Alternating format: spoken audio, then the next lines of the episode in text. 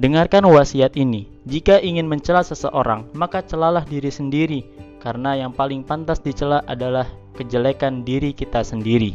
Bila ingin memusuhi sesuatu, maka musuhilah perut kalian, karena perut adalah sumber syahwat.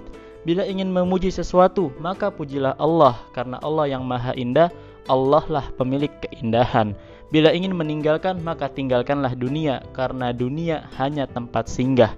Bila ingin bersiap-siap, siap-siaplah menghadapi kematian, karena kematian waktunya rahasia dan kau tidak bisa mempercepat apalagi menunda. Dan bila ingin menuntut sesuatu, maka tuntutlah akhirat. Wadal akhiratu khairu wa abqa. Akhirat itu lebih baik dan lebih kekal. Barakallahu fiikum.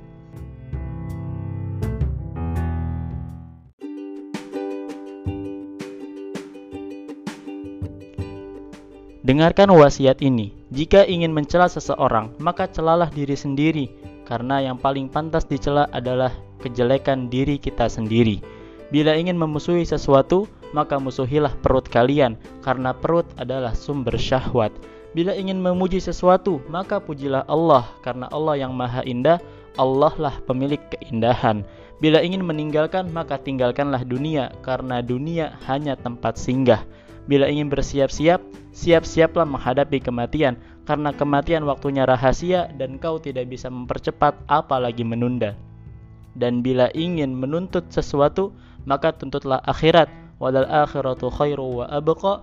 Akhirat itu lebih baik dan lebih kekal. Barakallahu fiikum.